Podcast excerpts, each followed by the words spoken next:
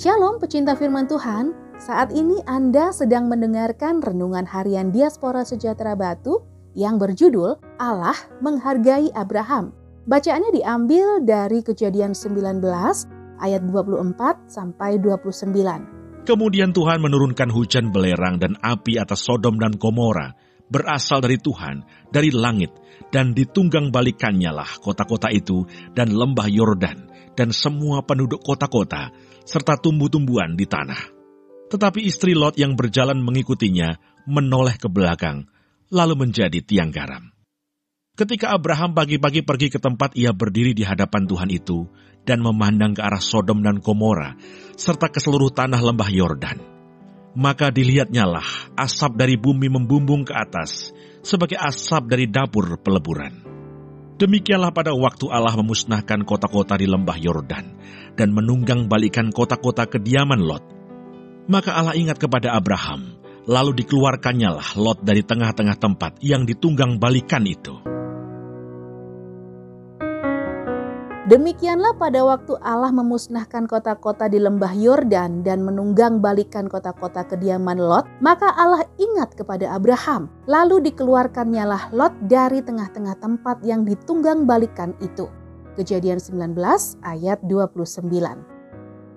Dalam peristiwa pemusnahan Sodom dan Gomora, Lot mendapat perhatian dari Allah sehingga atas kehendaknya Lot bersama keluarganya diselamatkan, hanya saja istrinya melanggar perintah Allah yang melarangnya menoleh ke belakang sehingga ia menjadi tiang garam. Lot dan keluarganya diselamatkan karena ada peran Abraham di dalamnya.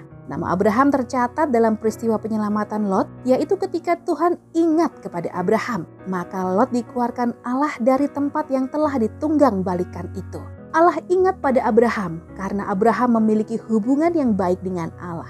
Maka Allah menghargai Abraham sehingga Lot, keponakan Abraham itu diselamatkan Allah. Dalam perjanjian lama, keselamatan lebih menitik beratkan pada keselamatan secara fisik dan bisa bersifat personal atau kelompok. Contohnya, Israel diselamatkan ketika pimpinannya hidup benar di hadapan Allah.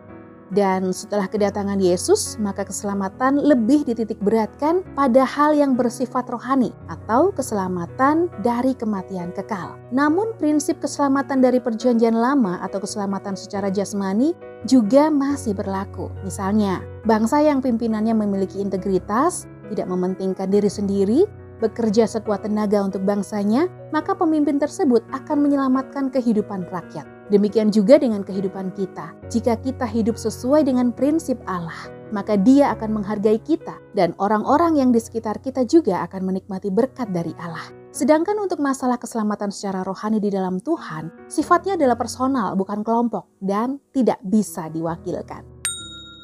Maka Allah mengingat Nuh dan segala binatang liar dan segala ternak yang bersama-sama dengan dia dalam bahtera itu dan Allah membuat angin menghembus melalui bumi sehingga air itu turun.